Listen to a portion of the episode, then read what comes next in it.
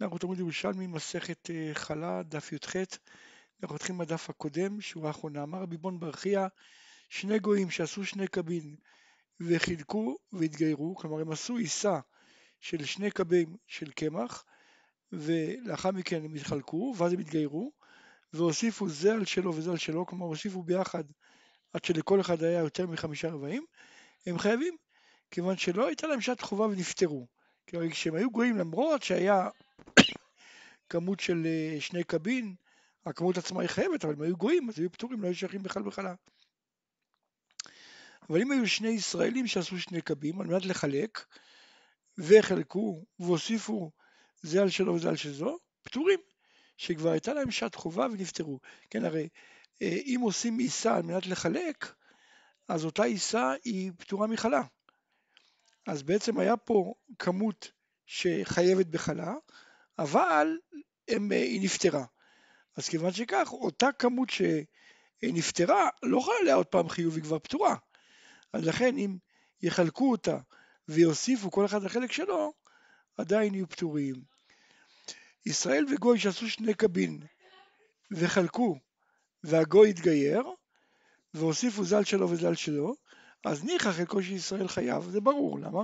כיוון שהרי קודם לא היה חייב, כן, כי הרי חלקו בשותפות היה רק קו, כמו שאמרנו בהתחלה, אמרנו במשנה את זה, כן? היה לו רק קו, אז הוא עצמו אה, פטור. חלקו של הגוי, מהו? כלומר, אם אני אומר שמועיל פה השלמה, אחרי שהוא יתגייר, אם אם הוא משלים אה, ויהיה חייב, כמו שאמרנו לגבי שני גויים שהתגיירו, שאם כל אחד השלים אז הוא חייב, או שאני אומר לו, כיוון שהיה ישראל שותף איתו, לישראל היה חלק בעיסה, ובכל הכמות היה שיעור של חלה, אז למרות, כן, אז גם אם הוא ישלים אחר כך, הוא לא יתחייב. אז אתה יכול להגיד דבר כזה, כלום חלקו של ישראל חייב לא מחמת חלקו של גוי, חלקו של ישראל חייב וחלקו של גוי פטור, כן, הרי הסיבה שהישראל חייב, בגלל שהחלק השני היה שייך לגוי, אז לא היה פה שיעור חלה, כן, אז לכן הישראל חייב. אז איך אתה רוצה להגיד לי שהישראל יהיה חייב והגוי יהיה פטור? כן? הגוי היה, הישראל היה פטור, כלומר הישראל היה חייב בגלל שלפני כן הוא היה פטור בגלל החלק של הגוי. אז לאחר שהוא חילק והוא הוסיף הוא חייב, כן, יוצא שהוא חייב בגלל החלק של הגוי שהיה פטור. אז עכשיו אתה רוצה להגיד לי שהגוי יהיה פטור אם אחרי, אחרי זה הוא יתגייר והוסיף? כן, זה לא יכול להיות, שניהם צריך להיות אותו דין. לכן בעצם אם הגוי מוסיף, הוא צריך להיות חייב. רבי עקיבא אומר, הכל הולך אחר קרימה בתנור. כן, כלומר, אם הגוי אה, אה, גלגל את העיסה והתגייר וזה קרם בתנור, אז הוא יהיה חייב, כיוון שזה קרם כשהוא היה ישראל. חברי אמר רבי שמעון בלעזר, לא אמר רבי עקיבא, אלא בעיסת גר. כן, הדין הזה המיוחד, שהחיוב הוא אחר קרימה, זה נאמר רק לגבי גר. כלומר, החידוש הוא שאף על פי שזה נילוש כשזה גוי, אם קרמו פניה אחר שהתגייר, אז הוא חייב. זה למדנו, בעבר למדנו את זה מפסוקים, זה גזירת הכתוב. אבל מודה רבי עקיבא לחכמים בעיסת אדיוט, שהגלגול זה, זה הטובל. כן, גלגול זה מה שטובל אותה, ולא קרימה, קרימה בתנור.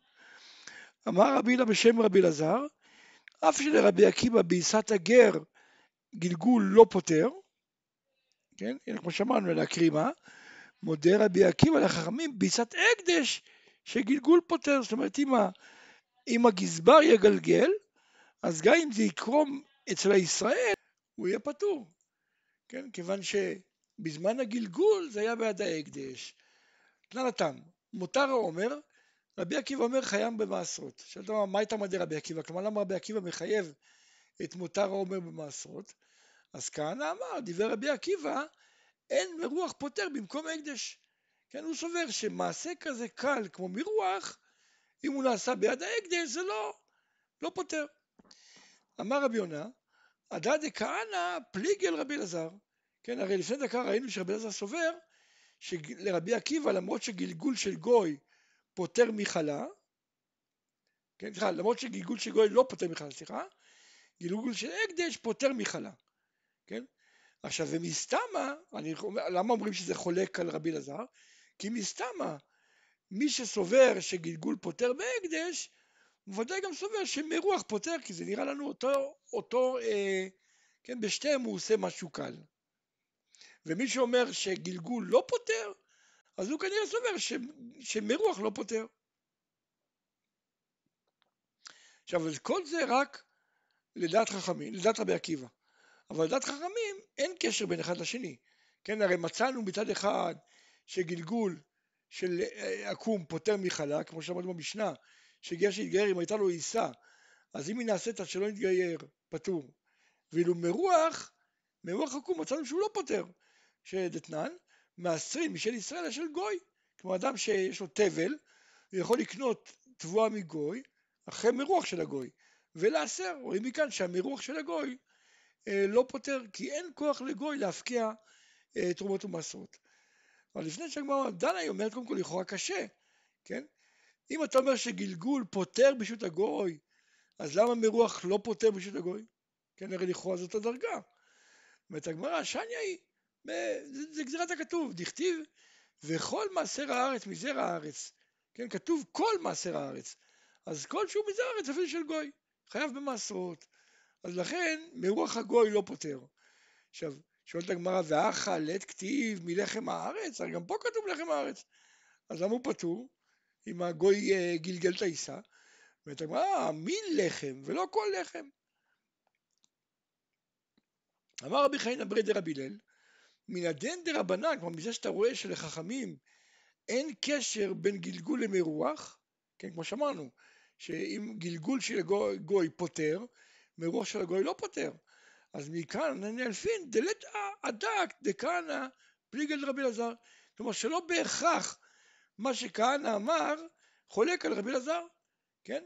למה? כמו שאמרנו שחכמים גלגול פותר בשביל הגוי ואין המרוח פותר בשביל הגוי, כי זה שני דברים נפרדים, כן? אז גם רבי עקיבא נאמר ככה, הוא יכול לומר שגלגול פותר בשביל ההקדש ומרוח לא פותר בשביל ההקדש, כן? אז אין בזה שום סתירה, גם הדברים של כהנא וגם הדברים של רבי אליעזר יכולים להסתדר. פרק ג' אומרת המשנה, העושה שם מן החיטים ומן האורז, אז אם יש בהם טעם נגן, טעם נגן חייבת, ויוצא בהם ידי חובתו בפסח. ואם אין בהם טעם דגן, אינה חייבת בחלה, ואין המוצא בה ידי חובתו בפסח. הנוטל שאור מעיסה שלא הורמה חלתה. כלומר, עיסה שהייתה חייבת בחלה, ולא הורמה חלתה עדיין, ונתן לתוך עיסה שהורמה חלתה, אז אם יש לו פרנסה ממקום אחר, מוציא לה לפי חשבון. הוא יודע שהוא לקח פה אה, כמות של אה, 48 גרם, אז הוא יודע, או סליחה, נניח אם הוא, אם הוא, אם הוא, אם הוא אה, אופה, אז 48 גרם, הוא יודע שצריך גרם אחד. אם הוא אה, סתם בעל הבית, צריך שתי גרם. אז הוא ייקח את זה ממקום אחר, ויפריש ממקום אחר. אבל אם הוא, אין לו עיסה אחרת, כן? אז פה מוציא חלה אחת על הכל, אין לו ברירה, הוא צריך להפריש על הכל, כי הוא לא יודע בדיוק איפה החלה. אז אולי שזה טוב טוב, ואנחנו רואים שיש בילה, אז הוא מפריש מהכל. כמובן, הוא יכול למכור את זה לכהן, חוץ מאותו אה, כמות שהוא היה חייב. אותו דין זה תן מסיק, כלומר זה תים שהם חייבים, כלומר זה תן מסיק שבעל הבית כותב אותם, שהם חייבים בתרומות ומעשרות, שהם יתערבו עם זיתי ניקוף, כן, זיתים שהעני כותב אותם שהם פטורים בתרומות ומעשרות, או ענבי בציר, כלומר ענבים שבעל הבית בוצר שהם חייבים, עם ענבי עוללות שהם פטורים. אז אם יש לו פרנסה ממקום אחר, מוציא לפי חשבון, גם פה, אם הוא יכול לתרום ממקום אחר, תורם, ואם לאו, מוציא תרומה ותרומת מעשר על הכל, כן? אין לו ברירה, תרומה ותרומת מעשר חייב להפריש על הכל, ושוב פעם הוא ימכור את זה לכהן, חוץ מהחלק תרומה ותרומת מעשר שצריכה להיות. ושאר מעשר הוא מעשר שני לפי חשבון, כן? כלומר, מעשר ומעשר שני אין בעיה, כי את המעשר ראשון הרי מותר לזרים אז הוא משאיר אצלו, מעשר שני הוא פודה את זה, אז אין שום בעיה גם כן. הנוטל שאור מעיסת חיטים, כמו שהיה בשיעור חלה, והוא נותן, נתן אותה לעיסת אורז. עכשיו, אם יש בה דגן, חייבת בחלה, ואם לאו, פטורה מן החלה. עכשיו שואלת הגמרא, והרי אמרו, התבל עושה בכלשהו, אז למה אתה אומר אם יש בה דגן? הרי אם זה עושה בכלשהו, אז אפילו אם אין טעם דגן צריך להיות חייבת בחלה. ואתה אומר, לא, כל מה שאמרו שאוסר בכלשהו, זה מין במינו. אבל פה הרי מדובר במין שלא מינו, אורז, ב, חיטה באורז. אז פה באמת זה בנותן טעם.